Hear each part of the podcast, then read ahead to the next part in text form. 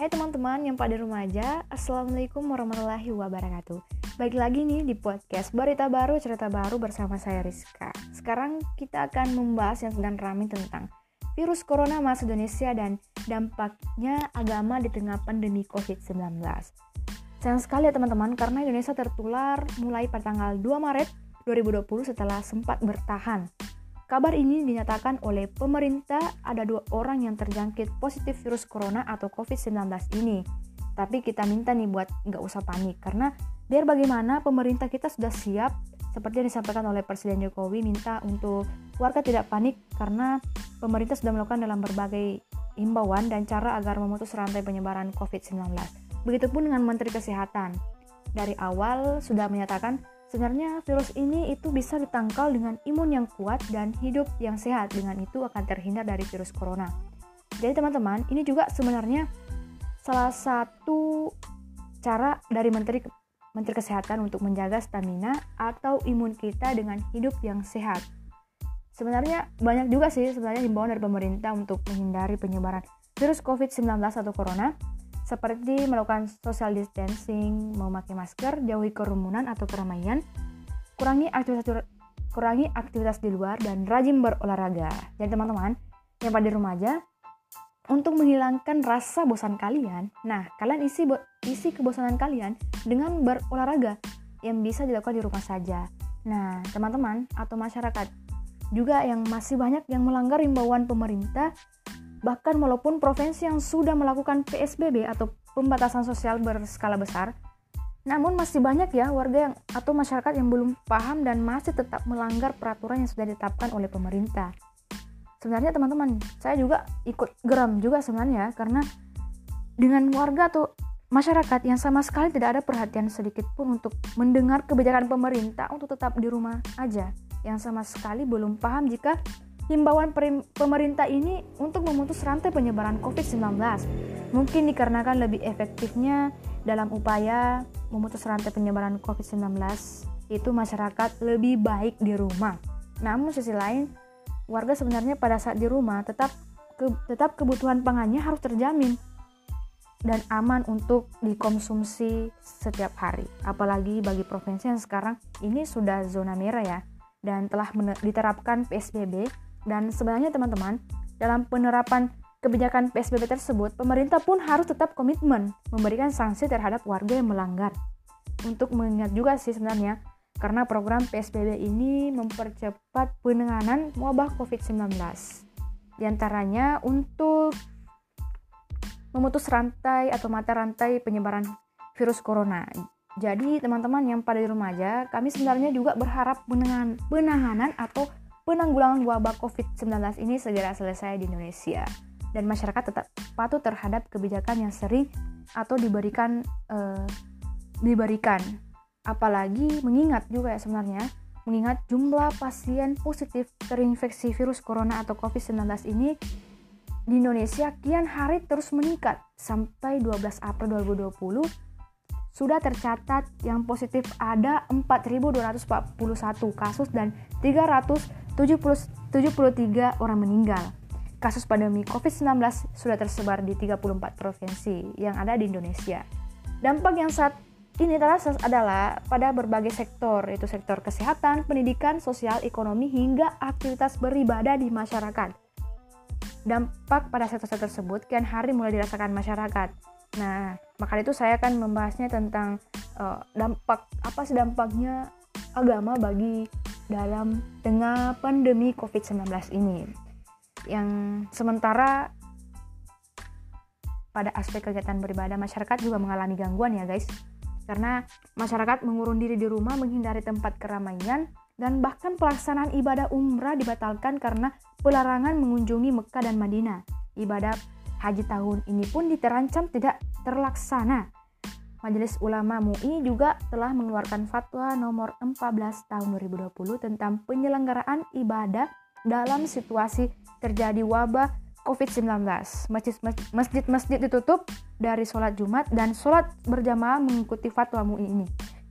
Kementerian Agama ini pun juga telah mengeluarkan himbauan untuk pelaksanaan ibadah tarawih selama bulan Ramadan dilakukan di rumah saja dan nuzulul Quran dan tadarus di masjid ditiadakan selama pandemi COVID-19. Hal ini juga sama terjadi pada umat agama yang lain yang mengalami hambatan dalam beribadah.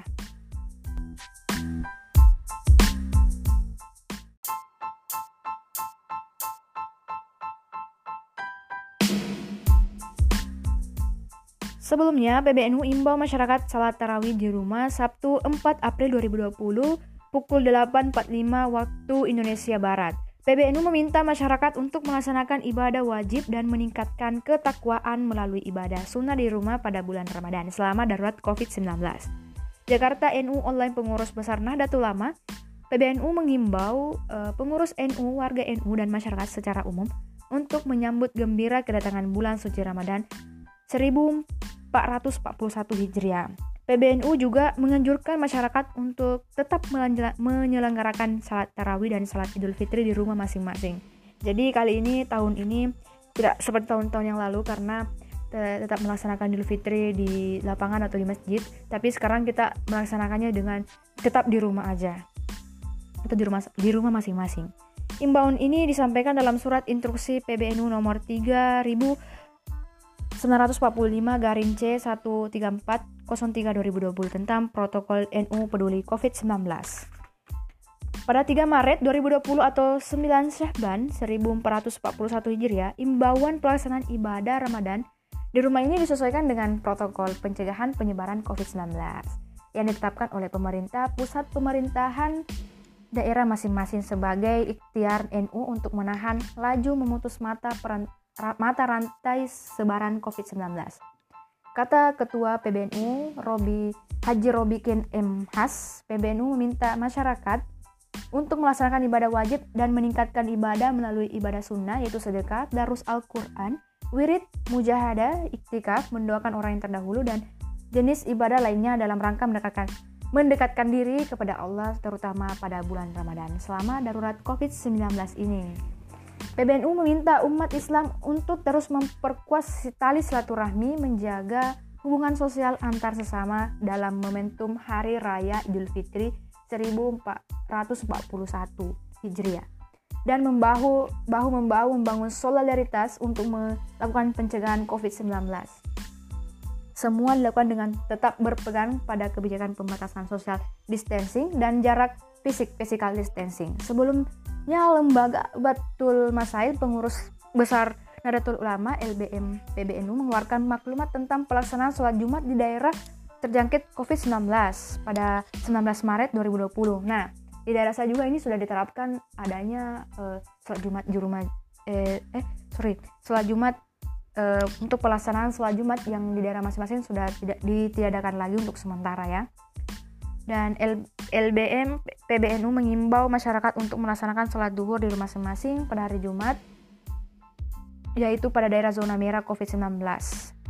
LBM PBNU juga menganjurkan umat Islam di zona kuning untuk mengambil dispensasi rukasya dalam syariat Islam yaitu memilih melaksanakan sholat duhur di rumah masing-masing daripada sholat Jumat di masjid mengingat penyebaran dan bahaya virus corona.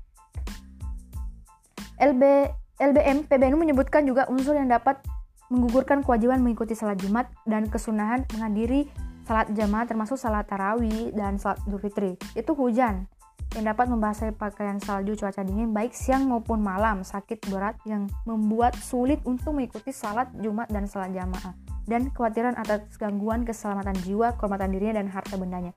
Jadi itu tadi uh, pembahasannya agar kita tuh mengerti bahwa kenapa uh, sholat Jumat itu ditiadakan untuk sementara. Kementerian Agama pun menerbitkan edaran terkait panduan ibadat Ramadan dan Idul Fitri 1 Syawal 1441 Hijrah di tengah pandemi wabah COVID-19. Edaran ini sebenarnya ditujukan juga ya karena seluruh kantor Kemenak daerah seluruh Indonesia yang hari ini telah ditandatangani Menteri Agama Farul Razi. Surat edaran ini dimaksudkan untuk memberikan panduan beribadah yang sejalan dengan syariat Islam sekaligus sekaligus mencegah mengurangi penyebaran dan melindungi pegawai serta masyarakat muslim di Indonesia dari resiko COVID-19. Senin 6 tanggal 6 bulan 4 2020.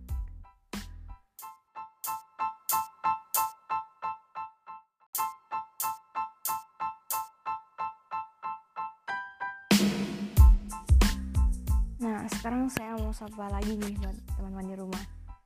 Sahabat podcast, cerita baru, berita baru, berita baru, cerita baru. Nah, jadi kita lanjutkan lagi ya Setelah tadi sudah ada penjelasan lagi kembali. Dan saya kembali akan menjelaskan tentang ya Ramadan Kabar Ramadan.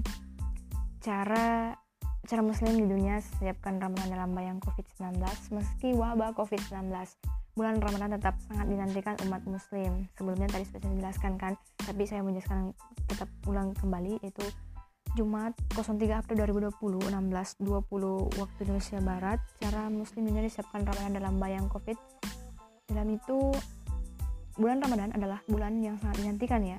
Bulan dinantikan oleh umat muslim setiap tahunnya. Umat muslim biasanya menyambut bulan berkah itu dengan penuh sukacita. Pasar biasanya ramai orang yang mempersiapkan Ramadan dan undangan berbuka puasa bersama menjadi bagian penting ketika datang bulan suci itu. Namun Ramadan tahun ini nampaknya berbeda ya guys, karena dalam dalam waktu waktu kurang dari satu bulan menjelang Ramadan, Ramadan tradisi untuk berbuka puasa dan berkumpul bersama keluarga tampaknya sulit dilakukan di di Ramadan tahun ini karena adanya COVID-19 ini. Saat ini dunia dalam masa lockdown atau karantina, masjid masjid ditutup dan bahkan kegiatan umrah di Arab Saudi tadi sudah saya jelaskan juga dihentikan sementara karena sementara itu wabah virus corona tidak menunjukkan tanda-tanda surut dalam waktu dekat. Meski tahun ini ibadah-ibadah di bulan Ramadan kemungkinan tidak dilakukan di masjid, namun kondisi saat ini tidak menyurutkan umat muslim untuk mempersiapkan diri. Karena virus corona bukan hanya merenggut ribuan nyawa ya, tapi juga mengubah tata cara kehidupan manusia di seluruh dunia, mulai dari interaksi sesama maupun proses berhubungan berhubungan dengan Tuhan. Beberapa orang mengurung diri di rumah, menghindari tempat keramaian dan menunda perjalanan ke tempat lain. Sebagai lainnya mengubah tata bersalaman dari berjabat tangan dan berpelukan menjadi salaman menggunakan siku dan kaki. Virus corona juga berdampak dalam kehidupan keagamaan umat manusia ya seperti gereja, masjidku dan sinagoga Goga mengubah tata cara ibadah demi menahan penyebaran penyakit COVID-19. Nah, sebenarnya ini ya, seluruh potensi yang menyebabkan penyebaran virus harus dicegah dan diminimalisasi. Jawab kita semua memiliki tanggung jawab mencegah peredaran wabah ini tidak bisa dibebankan hanya pada satu komunitas dan pemerintah saja kontribusi dan partisipasi publik secara keseluruhan ya tidak bisa kan karena kita ini kita ini butuh kerjasama sebenarnya buat masyarakat masyarakat dan para warga yang di tengah pandemi COVID-19 ini. Sebenarnya kemarin saya mendengar anu ya info dari uh, medsos tentang Asrorun memberikan imbauan soal aktivitas ibadah seperti tarawih berjamaah di bulan Ramadan nanti pada satu kawasan yang ada dalam zona merah. Ia menghimbau aktivitas ibadah dibatasi di tempat-tempat yang bebas kerumunan fisik yang memiliki potensi penyebaran meluas. Sedangkan di zona hijau menurutnya aktivitas bisa berjalan seperti, sebagai biasa ya, seperti biasa. Namun dengan mengurangi tensi konsentrasi massa, di samping itu ia mengingatkan agar masyarakat mengoptimalkan kesehatan dan kebersihan dengan rajin mencuci tangan, membersihkan tempat ibadah, mema, eh, meminimal, sorry, sorry, sorry, meminimalisasi kontak fisik dan membawa sejadah sendiri saat ke masjid. Ini salah satu uh, imbauan juga dari Asrorun ya Asrorun. Pak Asrorun ini. Ini sebagai ikhtiar dari dari ikhtiar. Sebagian dari ikhtiar dari ikhtiar. Ketika ikhtiar sudah dilaksanakan kita kuatkan dengan doa munajat dan kunut nazila dalam setiap ibadah. Dan ini juga sebagai bagian ikhtiar dahir dan batin yang ditempuh sebagai umat beragama. Dan ini uh, ujar Haidar ya yang saya dapat baca di laman. Hal ini yang penting pemerintah lakukan bagaimana agar mengambil langkah yang tegas dan sesama dalam menangani penularan COVID-19 secara nasional, terutama yang berkaitan dengan karantina wilayah. Nah, jika memang sudah saatnya atas kajian yang sesama dari para ahli yang ob yang objektif, sekarang daerah sampai tingkat lokal cenderung mengambil langkah karantina wilayah sendiri-sendiri saatnya mengambil solusi terbaik untuk menyelamatkan bangsa. Kata Hajar juga mengingatkan bahwa wabah penyakit ini merupakan ujian datangnya dari Tuhan atau Allah ya. Oleh karena itu, upaya pencegahan akan bernilai ibadah, sementara tindakan yang dengan sengaja membawa risiko penularan digolongkan pada tindakan buruk atau zalim. Seperti orang-orang yang masih belum mendengar kebijakan dari pemerintah untuk tetap di rumah.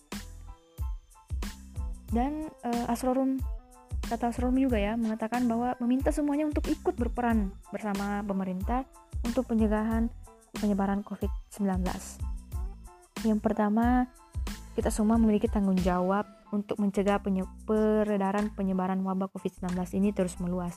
Tidak bisa hanya dibebankan kepada satu komunitas, kepada pemerintah semata, tanpa kontribusi dan juga partisipasi publik secara keseluruhan. Ujar uh, itu tadi Asrorunia mengatakan seperti itu ya. Karena meski begitu pun corona tidak menjadi penghalang bagi semua umat muslim sebenarnya guys karena untuk menjalankan kewajiban ibadah di bulan Ramadan, namun tetap harus memperhatikan bagaimana potensi penyebaran virus corona ini. Dalam konteks ini, umat Islam yang akan menjalankan ibadah puasa tentunya kewajiban puasa tetap dijalankan sebagaimana biasanya. Tetapi dengan catatan memberikan uh, perhatian secara khusus terhadap potensi penyebaran seluruh potensi yang menyebabkan penyebaran virus COVID secara meluas di tengah masyarakat. Itu harus dicegah de, diminimalisir. Jelas jelas itu Asrorun mengatakan seperti itu karena lebih lanjutnya dia menjelaskan untuk pelaksanaan salat berjamaah termasuk salat tarawih dirinya mengatakan bagi yang berada di daerah dengan berisiko penurunan tinggi atau zona merah mendapatkan keringanan untuk lebih baik menjauhi kerumunan. Namun untuk yang berada di daerah dengan resiko penularan yang rendah atau zona hijau diusahakan tetap berjalan normal. Ya guys.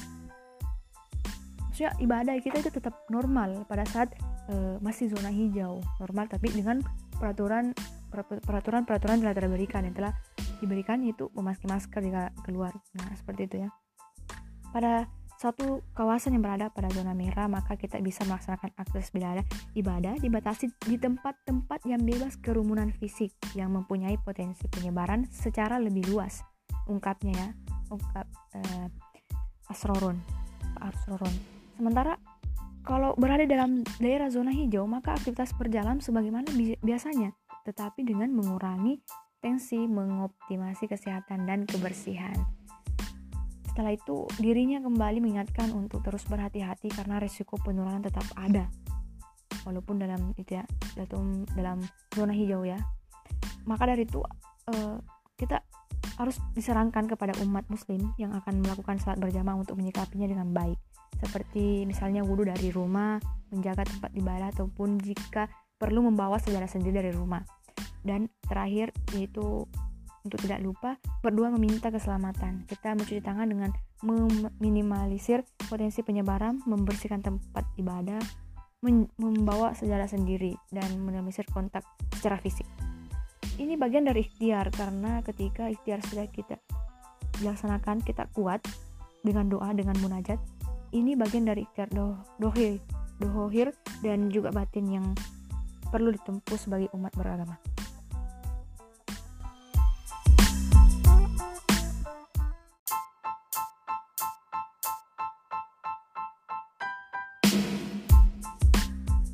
Nah, tadi saya sudah jelaskan uh, sebagian ya. Sekarang saya mau sapa dulu nih buat teman-teman yang di rumah aja sebelum saya lanjutkan. Sahabat podcast, berita baru, cerita baru.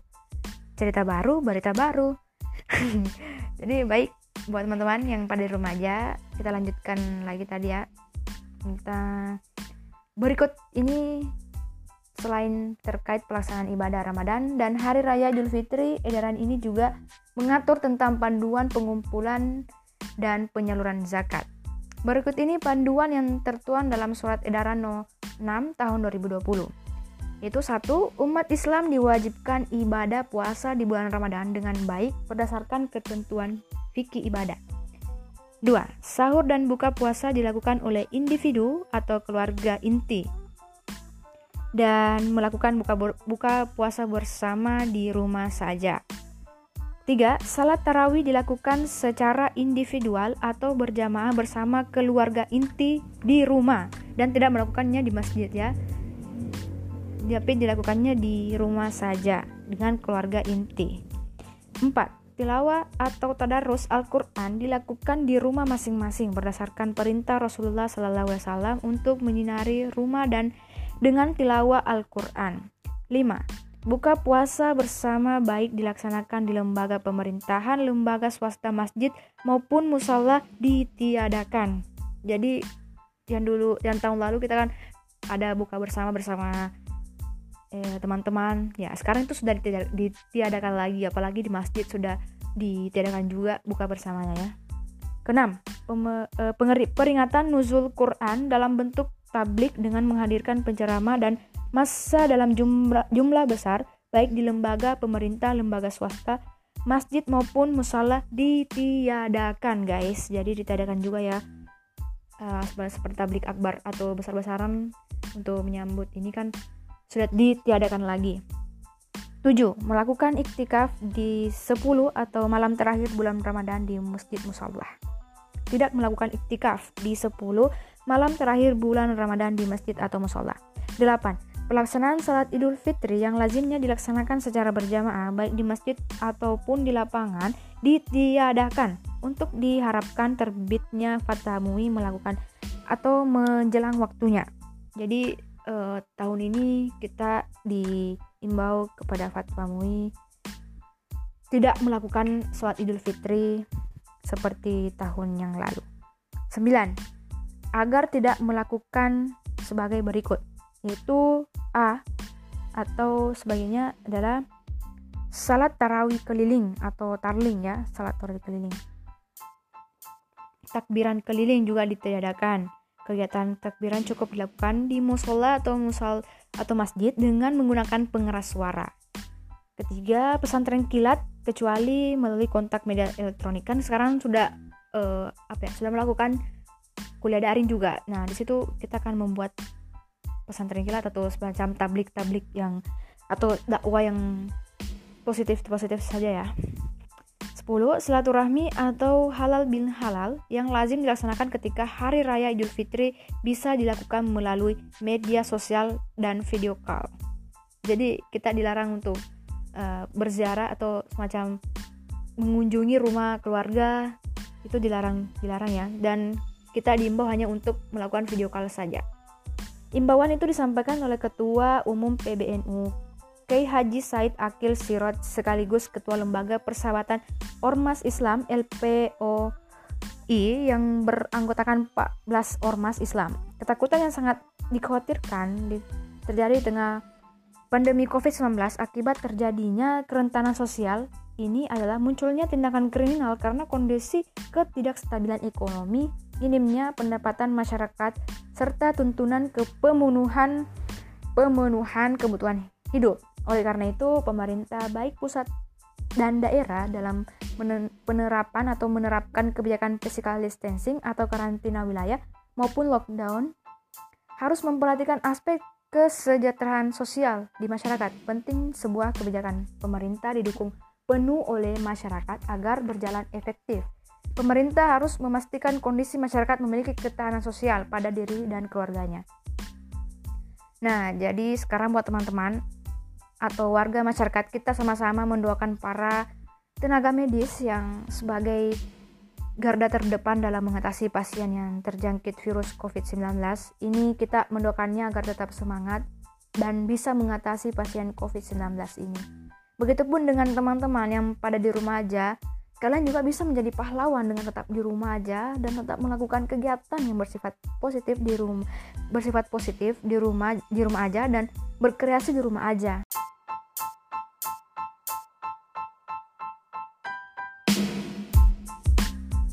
Nah, buat teman-teman di rumah, uh, setelah berapa menit tadi kita sudah banyak berbincang juga ya tentang dampak agama di tengah pandemi COVID-19 dan buat teman-teman uh, tetap jaga kesehatan tetap di rumah aja tetap ikuti imbauan dari pemerintah dengan melakukan ibadah di rumah dan belajar di rumah dan melakukan aktivitas tetap di rumah aja.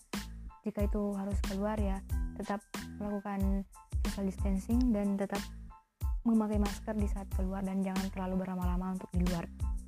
Karena um, corona mungkin dapat merenggut nyawa manusia tetapi tidak dapat merenggut visi atau jiwa kemanusiaan.